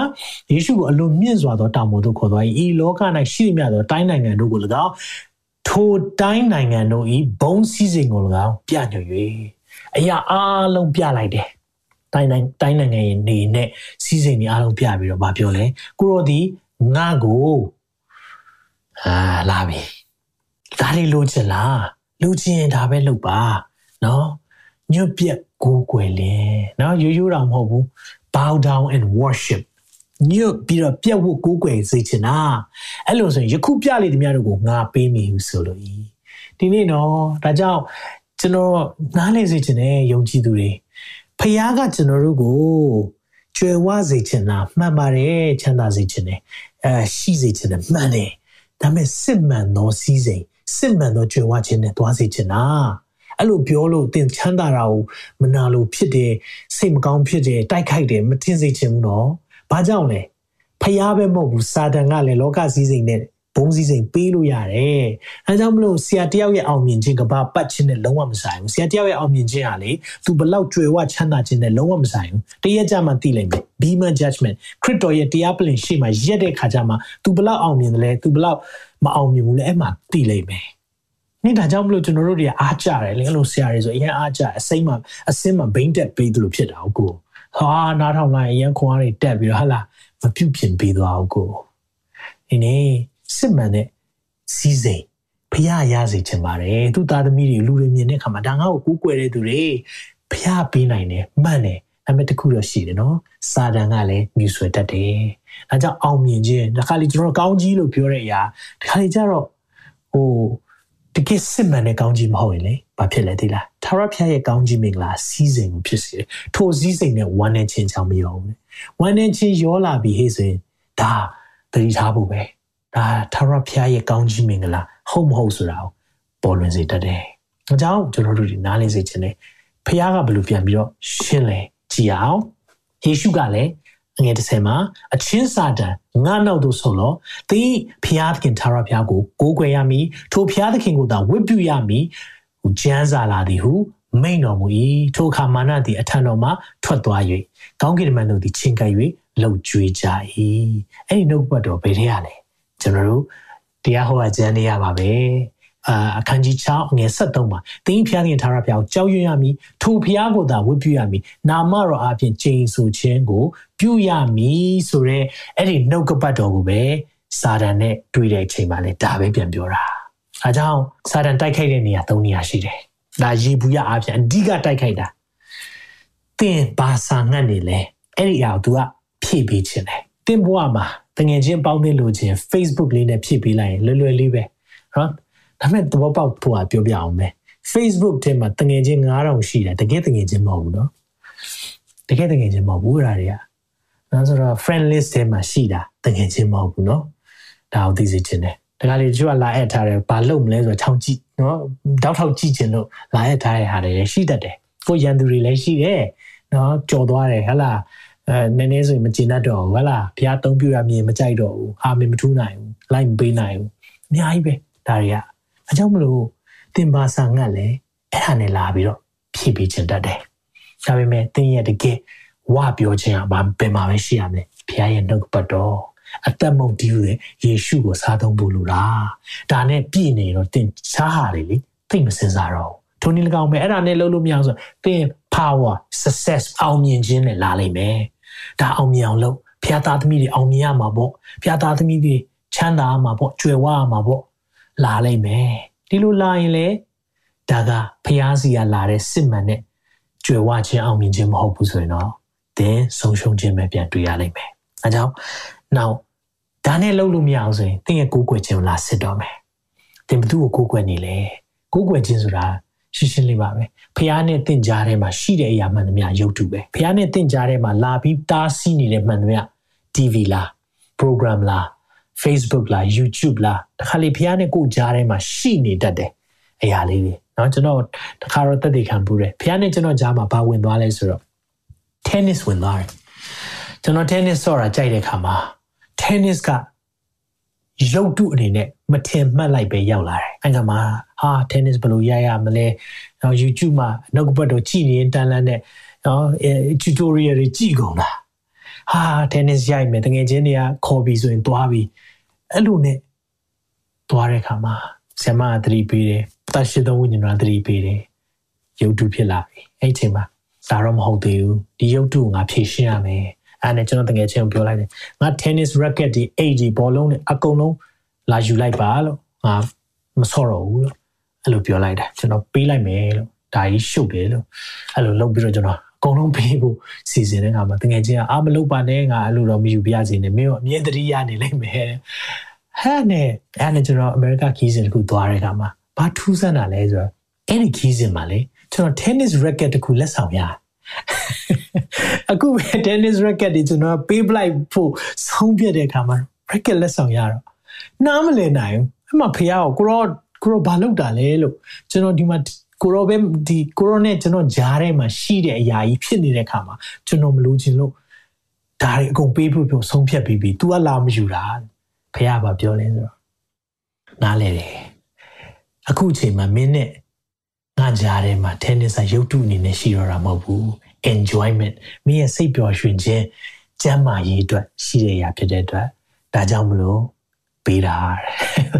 အဲ့ဒီအချိန်မှာကျွန်တော်သိသွားပြီဖះနဲ့ပတ်သက်လာရင်တော့မလဲနိုင်ဘူးဖះနဲ့ပတ်သက်လာရင်တော့ဒါဟာ secondary လုံးဝ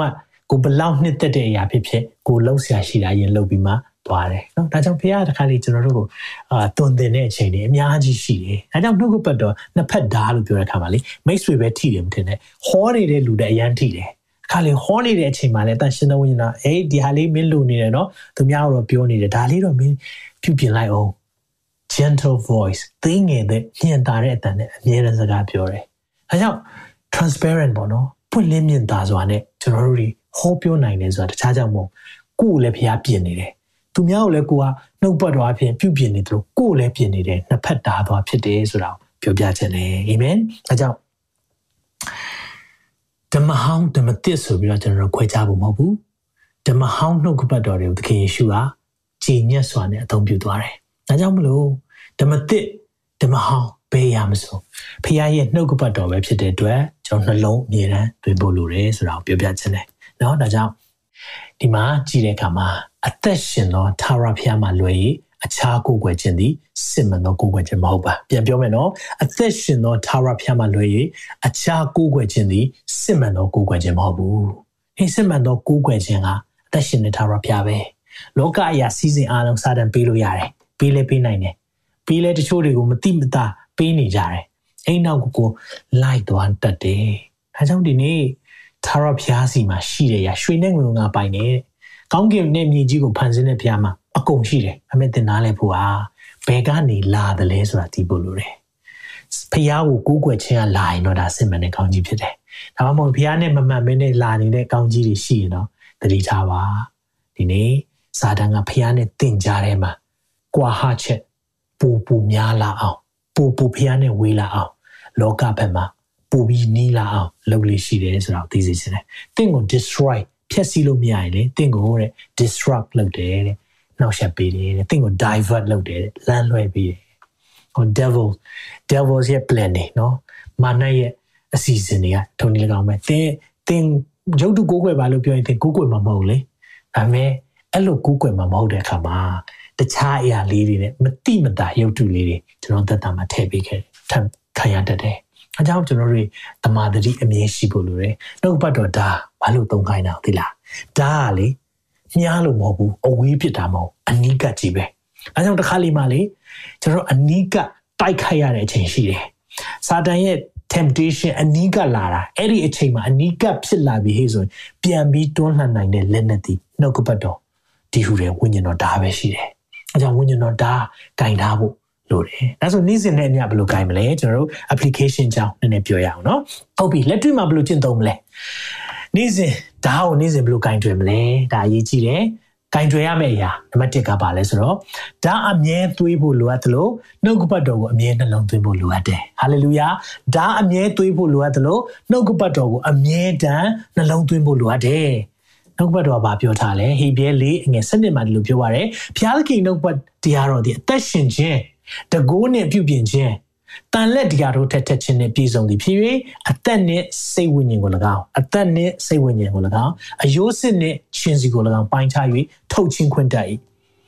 ဘလောက်ထက်မြက်လဲ အကုန်လုံးပေါ်တယ်အကုန်လုံးကိုထိုးဖောက်နိုင်တဲ့အစွမ်းရှိတယ်လို့ပြောတာဖြစ်တယ်စိတ်လုံးအကြံစီများကိုလည်းသိမြင်တတ်၏ဒီနေ့ဓာတ်သွေးတယ်လို့ပြောတဲ့အခါမှာနှုတ်ကပတ်တော်နဲ့အမြဲဖြည့်တဲ့အခါမှာလေကိုယ့်ရဲ့စိတ်လုံးထဲမှာဘာတွေရှိသလဲအထဲမှာဘာတွေပုတ်ပွားနေလဲအကုန်ပေါ်တာဘာလို့လဲနှုတ်ကပတ်တော်ကဒါတန်လက်တကာတို့တက်ထက်တာအဲကြောင့်တခါလေကြာရင်နှုတ်ကပတ်တော်ဒီလိုမျိုးဟောတဲ့အခါမှာအကုန်ထိပြီဟေးဆိုတချို့တွေအရင်ထိတယ်ကိုလည်းထိတယ်လीနော် အဲ့လိုထိတဲ့ခါကျရင်ဟာဒါကြီးငါဖုံးကွယ်လိုက်အောင်မယ်မလုပ်ပါနဲ့မလုပ်ပါနဲ့အရှိကိုရှိတိုင်းလာလိုက်နှုတ်ကပတ်တော်နဲ့ဒီနေ့ဖះကိုတန်လက်သကာတို့တက်ထက်တဲ့အရာနဲ့နှလုံးနဲ့စိတ်ပိုင်းခြားပြီးဟိတိလာပြီးဟိဆိုရင်ကိုယ်ထဲမှာလိုအပ်ချက်တွေပေါ်လာလိုက်တတ်တယ်အဲ့လိုပေါ်လာတဲ့အခါမှာဖះရှိမှသူ့ဝင်ပြီးတော့ကိုရောလောကအရာနဲ့ဖြည့်မယ်စားကိုရောရဲ့မေတ္တာနဲ့ပဲဖြည့်ပေးပါလောကမှာ power ရှိဖို့တဲ့ကို ရောရဲ့ power ပဲလိုချင်တယ်တခြားအရာတွေလောကအရာစည်းစိမ်တွေကူးကွယ်ဖို့တဲ့ကိုရောကိုပဲကူးကွယ်ခြင်းတယ်ဒါနဲ့ဖြည့်ကြည့်ပါမိတ်ဆွေဒါဆိုရင်လေအသက်တာမှာကိုရောနီးတူကိုရောကဲ့သို့နေ့စဉ်နဲ့မြဖျားပြုပြင်တယ်ဟာလေလုယာနံပါတ်1ချက်ကြည့်အောင်အဲ့ဒါပါလဲဆိုတော့နှုတ်ကပတ်တော်မှာစီးဆင်းလာသောချီးမွမ်းခြင်းကိုနေ့စဉ်ပြုဖို့လိုတယ်နှုတ်ကပတ်တော်ဒါနေ့စဉ်ကိုင်းဆိုတာပထမတစ်ချက်ကတော့ဒါသွေးပါ နော်ဆိုတော့ဒါသွေးတဲ့အခါမှာထက်မြက်တယ်နှုတ်ကပတ်တော်ထည့်ထားတဲ့အခါမှာထက်မြက်တယ်လို့ပဲနံပါတ်2ချက်ကတော့နှုတ်ကပတ်တော်မှာစီးဆင်းလာတဲ့ချီးမွမ်းခြင်းနေ့စဉ်ပြုပါဘာလို့ပြောချင်တာလဲနှုတ်ကပတ်တော်ထဲလာတဲ့အခါမှာကိုယ့်ရဲ့အထဲမှာနှုတ်ပတ်တော်ရောက်လာတယ်နှုတ်ပတ်တော်ခုလိုခံယူတဲ့အခါမှာချီးမွမ်းခြင်းတွေထွက်လာတယ်နှုတ်ပတ်တော်ဘယ်လိုပြောလဲကောလောသဲ36မှာခရစ်တော်ဤနှုတ်ကပတ်တရားတော်သည်ဘာပြောလဲနှုတ်ကပတ်တရားသည်ပညာအမျိုးမျိုးနဲ့ပညာမျိုးမျိုးလို့ပြောတယ်နော်ဆိုတော့တစ်မျိုးတည်းမဟုတ်ဘူး အမျိုးမျိုးရှိမယ်တင်းတို့အထက်မှာကျွယ်ဝစွာတည်တည်နေ၍အထဲမှာနော်ပညာအမျိုးမျိုးနဲ့ကျွယ်ဝစွာတည်မယ်ဆိုရင်ねဘာဖြစ်လာမလဲသူ့ရဲ့ outcome ထွက်လာမယ့်အရာသင်တို့သည်စာလံသချင်းမှစသောဓမ္မသချင်းအမျိုးမျိုးအားဖြင့်စာလံသချင်းတွေဓမ္မသချင်းမျိုးများဖြင့်အချင်းချင်းတို့ကိုဆုံးမသွန်သင်ခြင်းတတိပေးခြင်းကိုပြု၍ဒါကြောင့်ကျွန်တော်ရဲ့နှုတ်ပတ်တော်တွေမှာအမြဲတမ်းတတိပေးခြင်းတွေနဲ့လမ်းပြခြင်းတွေရှိနေတယ်နူးညွတ်သောစိတ်နှလုံးနဲ့ နူးညွတ်သောစိတ်နှလုံးနဲ့ဘုရားသခင်ရှိတော်၌တင့်တယ်လျောက်ပတ်စွာဘာလို့ဘာလို့ပြောလဲတချင်းစုကြလောတဲ့ဘုရားနှုတ်ကပတ်တော်ထဲအထဲရောက်လာတချင်းစုတယ်ဒါကြောင့်တစ်ခါလေးနားမလည်နိုင်တာလေနှုတ်ပတ်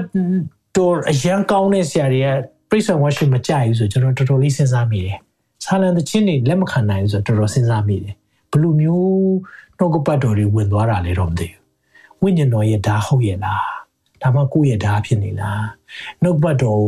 စာလိုမျိုးကျွမ်းကျင်တာလား။ဒါမှမဟုတ်ဝိညာဉ်တော်နဲ့ကျွမ်းဝင်တာလား။ဒါလေးတွေကိုဆင်ခြင်ဖို့လိုတယ်။ဖခင်ရဲ့နှုတ်ပတ်တော်တော့ရှင်းရှင်းလင်းပြထားတယ်။တကယ်နှုတ်ပတ်တော်အထဲမှာပညာမျိုးမျိုးနဲ့ရောက်လာရင်ねတင့်တယ်လျောက်ပတ်ဆိုတာတခြင်းဆိုပြီးစာလံတခြင်းတွေပါဆိုတယ်ဓမ္မတခြင်းမျိုးမျိုးဆိုပြီး him him ရဲ့အဓိပ္ပာယ် praise him တခြင်းလို့ပြောတဲ့အခါမှာကျွန်တော်တို့တော့ဓမ္မတခြင်းဟောင်းလို့ပြောတာမဟုတ်ဘူး him ရဲ့အဓိပ္ပာယ်ဒီ praise ချီးမွမ်းခြင်းဖြစ်တယ် ဖះကိုချီးမွမ်းခြင်းကနှုတ်ကပတ်တော်ရှိတဲ့လူတွေမှာအလိုလိုထွက်တာနော်ဒါကြောင့်ဒါကိုနားလဲစေချင်တယ်နောက်တချို့အာတရားဟောရမယ် praise and worship ပြီးမှပဲငါ့ကိုခေါ်ဖះကိုချီးမွမ်းခြင်းအပိုင်းကိုကျွန်တော်တို့ဒါကိုကျွန်တော် praise and worship lesson တွေလုပ်တဲ့ခါကျရင်သိချရှင်းပြပေးမယ်။ဒီနေ့ဖခင်ရဲ့နှုတ်ကပတ်တော်အထက်မှာရောက်လာရင်သခြင်းအနေနဲ့ထွက်လာတယ်။ hallelujah ။နောက်ဆုံးချက်သွားရအောင်။နှုတ်ကပတ်တော်ကပါလဲ။နေ့တိုင်းနေ့တိုင်း ကျွန်တော်တို့ဒီအတွက်ဘာဖြစ်ရမလဲသိလား။လမ်းပြမြေပုံလမ်းပြမြေပုံကျွန်တော်ဒါကြောင့်အစီအစဉ်စတဲ့အချိန်တိုင်းမှာအမြဲတမ်းရွတ်ဆိုတဲ့ကျမ်းပိုက်သီလားသိပါတယ်နော်နှုတ်ပတ်တော်ဟာကျွန်ုပ်ခြေရှိမှာမိခွက်ဖြစ်ကျွန်ုပ်လမ်းကြီးကိုလင်းတယ်သင်ရဲ့လမ်းပြမြေပုံအဲ့မြေပုံမကင်မိဘူးအဲ့မြေပုံမကြည့်မိဘူးဆိုလမ်းပြောက်ပြီဒါကြောင့်နှုတ်ကပတ်တော်နေ့စဉ်ဓာတ်ကိုဘယ်လိုကင်မလဲဆိုရင်တော့မြေပုံကြည့်တယ်လို့ပဲကိုရောဒီနေ့ဘာလုပ်ရမလဲ ကိုရောဒီနေ့ဘသူအတွက်ဆူတောင်းပေးရမလဲကိုရောဒီနေ့မှာကိုရောဘာလုပ်စေချင်လဲအဲ့လိုသွားရင်လေအရန်လွယ်တယ်နှုတ်ပတ်တော်မဖတ်မိတဲ့နေ့မကြည့်မိတဲ့နေ့နှလုံးမသွင်းမိတဲ့နေ့ဆိုရင်တော့အဲ့ဒီနေ့ရတော့စာတန်လာတိုက်ခိုက်ရင်လေပြန်ချမဲ့လက်နက်ကမရှိဘူးလို့ဖြစ်နေတယ်။ထုံနည်း၎င်းပဲတမာတရားသစ္စာဝဲမချိတ်ဆွဲထားအောင်ဆိုဓာတ်ရဲ့ချိတ်လို့မရအောင်။အဲကြောင့်သစ္စာမရှိတဲ့သူတွေတော်တော်များများနှုတ်ပတ်တော်ဟောရင်တကူမပါဘူး။ဘာကြောင့်လဲဓာတ်ချိတ်လို့ကိုမရတာ။ အဲကြောင့်ကျွန်တော်အသက်တာမှာဖခင်ရဲ့တမာတရားပြောတဲ့အခါမှာတမာတမလည်းရှိဖို့လိုတယ်။အဲ့လိုပြောတဲ့အခါမှာဒါလောအောက်သွားနေတာအဲ့ဒါကိုပြောတာမဟုတ်ဘူး။ဖခင်ရဲ့ဝိညာဉ်တော်ကျွန်တော်တို့ကိုနေ့စဉ်နဲ့များပြုပြင်နေအဲ့လိုပြုပြင်တဲ့အခါမှာဒီနေ့မြေပုံမြေပုံရှိနေပြီဟာလေလုယာဆိုတော့ကျွန်တော်တို့မြေပုံနေ့တိုင်းကြည့်ရလားမြေပုံနေ့တိုင်းကြည့်ရလားလမ်းပြောက်တယ်လို့ခံစားရလားမြေပုံကြည့်ရအောင် ဒီနေ့ဖခင်ဘာစကားပြောမလဲကိုယ်ဘလို့ပြောမလဲရေးမှတ်ရအောင်စုံမသက်နဲ့ကျွန်တော်တို့သွားနေတယ်နော်ဒီကတော်တော်များများတက်တက်ခံနေစုံမသက်နဲ့သွားတာပြင်းစရာမကောင်းလို့ပတ်တော့အာတကယ်ကိုနားလေလာတယ်ပြောလာကြတယ်ဘာကြောင့်လဲမြေပုံဖြစ်တယ်။ဒါကြောင့်တပည့်တော်စစ်မှန်တယ်ဆိုရင်တဲ့နှုတ်ကပတ်တော်နားထောင်တဲ့အချိန်တိုင်းမှာအမြဲတမ်းစာရွက်နဲ့ဘောပင်ရှိကိုရှိရမယ်။နော်ဆိုတော့တပည့်တော်ဖြစ်ခြင်းဖရားရဲ့နောက်လိုက်ခြင်းစစ်မှန်တဲ့သူတွေတော်တော်များများနှုတ်ပတ်တော်ဒီတိုင်းပဲဖန်သားဖြစ်မှကြည်တဲ့အစင်မုံတော် လိုက်ပြီးရေးမှတ်တဲ့အစင်ဖြစ်ဖရားကဖြစ်ဖြစ်ဖို့ဖရားရှင်ကောင်းချီးပေးပါစေ။ဟာလေလုယာ။ကြောင့်သင်ရဲ့သက်တာမှာအဲ့နှုတ်ကပတ်တော်နေ့တိုင်းလိုအပ်တယ်ဆိုတဲ့အရာကိုခွန်အားပေးခြင်းနဲ့ဒီနေ့သင်ရဲ့သက်တာမှာနှုတ်ကပတ်တော်နဲ့မသွားလာတတ်သေးဘူးဆိုရင်ဒီနေ့မှာဆူတောင်းပေးခြင်းနဲ့အဲ့ဒီနှုတ်ပတ်တော်ချမဟုတ်ပါဘူးအစအဦးမှာနှုတ်ပတ်တော်ရှိတယ်နှုတ်ပတ်တော်သည်ဖျားသခင်နဲ့တူရှိတယ်နှုတ်ပတ်တော်သည်ဖျားသခင်ဖြစ်တယ် ဒီနေ့ကျွန်တော်တို့ပြောပြောနေတဲ့အရာတွေဟာဒီနေ့စာထဲပဲမဟုတ်ဒီထဲမှာအသက်ရှင်တဲ့အရာတွေရှိတယ်အဲ့ဒီအသက်ရှင်တဲ့အရာတခြားမဟုတ်ပါဘူးဒီနေ့ဒီနှုတ်ပတ်တော်သင်ဖတ်တယ်ဆိုရင်ဘာကိုတွေ့နေတာလဲသိလားသခင်ယေရှုကိုသင်နေ့တိုင်းတွေ့နေတာဖြစ်တယ်။နေ့တိုင်းသခင်ယေရှုနဲ့အချိန်ယူနေတာဖြစ်တယ်။အဲကြောင့်တက်တာမှာသင်ရဲ့တက်တာမှာသခင်ယေရှုနဲ့နေ့တိုင်းချိန်ယူဖို့ရန်အတွက်ဒီနေရာကနေဆူတောင်းပေးခြင်းနဲ့ တခါလေးမဖတ်ဖြစ်တဲ့အချိန်ရှိလိမ့်မယ်။တခါလေးအလုံးများသွားတာရှိလိမ့်မယ်။ဒါပေမဲ့ no excuse ဒီနေ့မှပြန်လဲစက္ကန့်စေခြင်းနဲ့အသက်တာမှာကိုရောကိုရောနှုတ်ပတ်တော်နဲ့ကျွန်တော်သွားခြင်းနဲ့ကျွန်မသွားခြင်းနဲ့နှုတ်ပတ်တော်ဓာတ်ကင်ထားမှပဲမာနကလာတိုက်ခိုက်မဲ့သုံးနေရလုံးမှာကျွန်တော်ဖြည့်ရှင်းနိုင်မယ်ကျွန်မဖြည့်ရှင်းနိုင်မယ်လို့တင်ဒီနေ့နားလဲတယ်ဆိုရင်ကျွန်တော်ဆုတောင်းပေးခြင်းတယ်။ဘုရားတက်တောင်စားတဲ့တိုက်ခိုက်နေပြီချို့လူတွေကိုစာငတ်မှုဖျားမုတ်တဲ့အရာတွေဖြည့်ပေးနေတယ်။ဒီနေ့မှာ ကိုရောကိုရောနဲ့ပဲဖြည့်ခြင်းတယ်လာခဲ့ပါ။အဲ့ဒီလူတွေထွက်လာခဲ့ပါ။အဲ့ဒီလူတွေကိုရှိတဲ့နေရာမှာဆက်ကပ်ဖို့ကျွန်တော်ဒီနေရာကနေအထူးဖိတ်ခေါ်ခြင်းတယ်။တင်းရဲ့တက်တာမှာသင်လုံနိုင်တဲ့အရာတတ်နိုင်ခြင်းတွေနဲ့တွားနေတယ်သေးတယ်ဆိုရင်စာတန်ကသင်ကိုမြောက်ပေးနေဦးမှာပဲအဲ့လိုမဟုတ်ဘဲနဲ့ဖခင်ရဲ့တတ်နိုင်ခြင်းနဲ့တွားဖို့ရန်အတွက်ဒီနေ့ဖိတ်ခေါ်ခြင်းနဲ့ထုံနည်း၎င်းပဲအဲသင်ရဲ့ကိုးကွယ်ခြင်းကိုပြန်လဲဆန်းစစ်စေခြင်းနဲ့ဖခင်နဲ့တင့်ကြမှာဘာတွေကအခြေယူနေလဲအဲ့ဒီအရာတွေ ချိန်ယူနေတဲ့အရာတွေဒီနေ့မှာဖယ်ရှားဖို့ရန်အတွက်ခွန်အားပေးခြင်းနဲ့အဲကြောင့်လမ်းပြမိပုံနဲ့တွားရအောင်နှုတ်ပတ်တော်နေ့တိုင်းတွေ့ရအောင်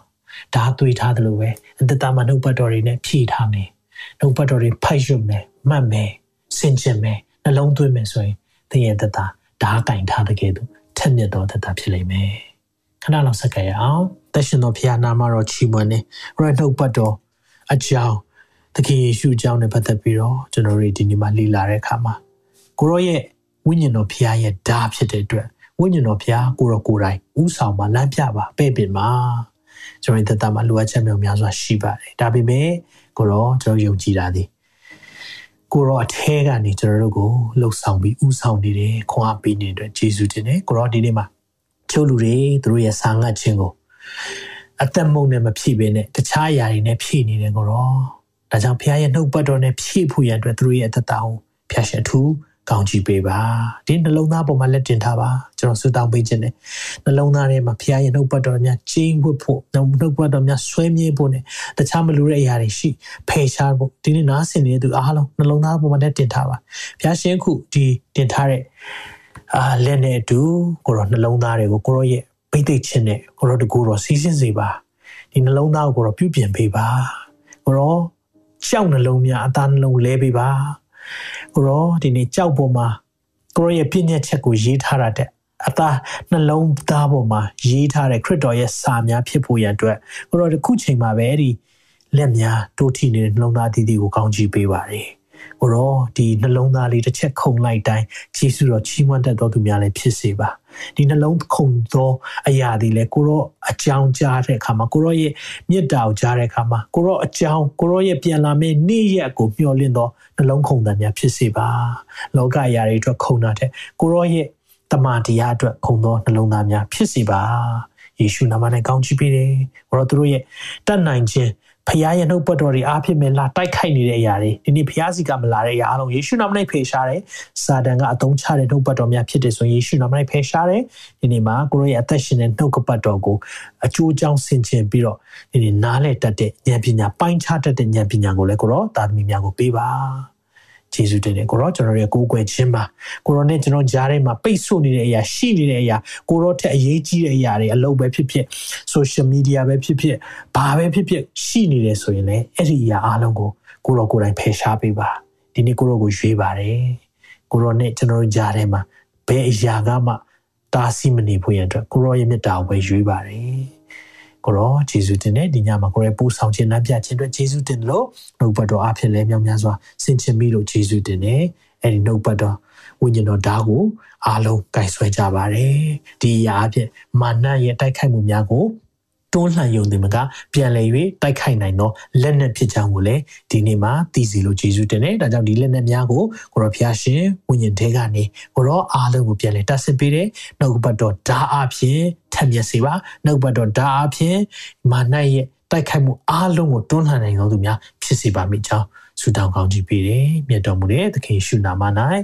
ယေရှုလုံးစုံကိုအလိုရွေးသူစားနဲ့တောင်းလျှောက်ကြပါ၏ဖာ။ အာမင်အာမင်ဂျေဇုတင်တဲ့ဒီညမှာပါဝင်တဲ့အတွက်အရာဒီနေရာကနေဂျေဇုတင်ကြောင့်ပြောချင်တယ်ဖခင်ရဲ့အသက်ရှင်တော်ဝင်တော်ဖခင်တင်ကိုမဆပို့ဆောင်ပါစေအသက်တာမှာနှုတ်ပတ်တော်အားဖြင့်တာ၍တာ၍ဒီဆောက်တော်သက်တာမှာဖြစ်ပါစေလို့ဒီညကနေဆုတောင်းကောင်းချီးပေးပါရစေတင်ခုလိုနာဆင်ခွန်အားနိုင်ခြင်းဟာမြန်မာ Worship Ministry ကိုလာဆင်ပန်ပိုးနေကြတဲ့ Kingdom Partners များအကြောင်းဖြစ်ပါတယ်။ဖခင်နိုင်ငံတော်ကျယ်ပြန့်ရေးအတွက်လာဆင်ပေးကမ်းပောင်းဖို့ရန်ဖိတ်ခေါ်လိုပါတယ်ရှင်။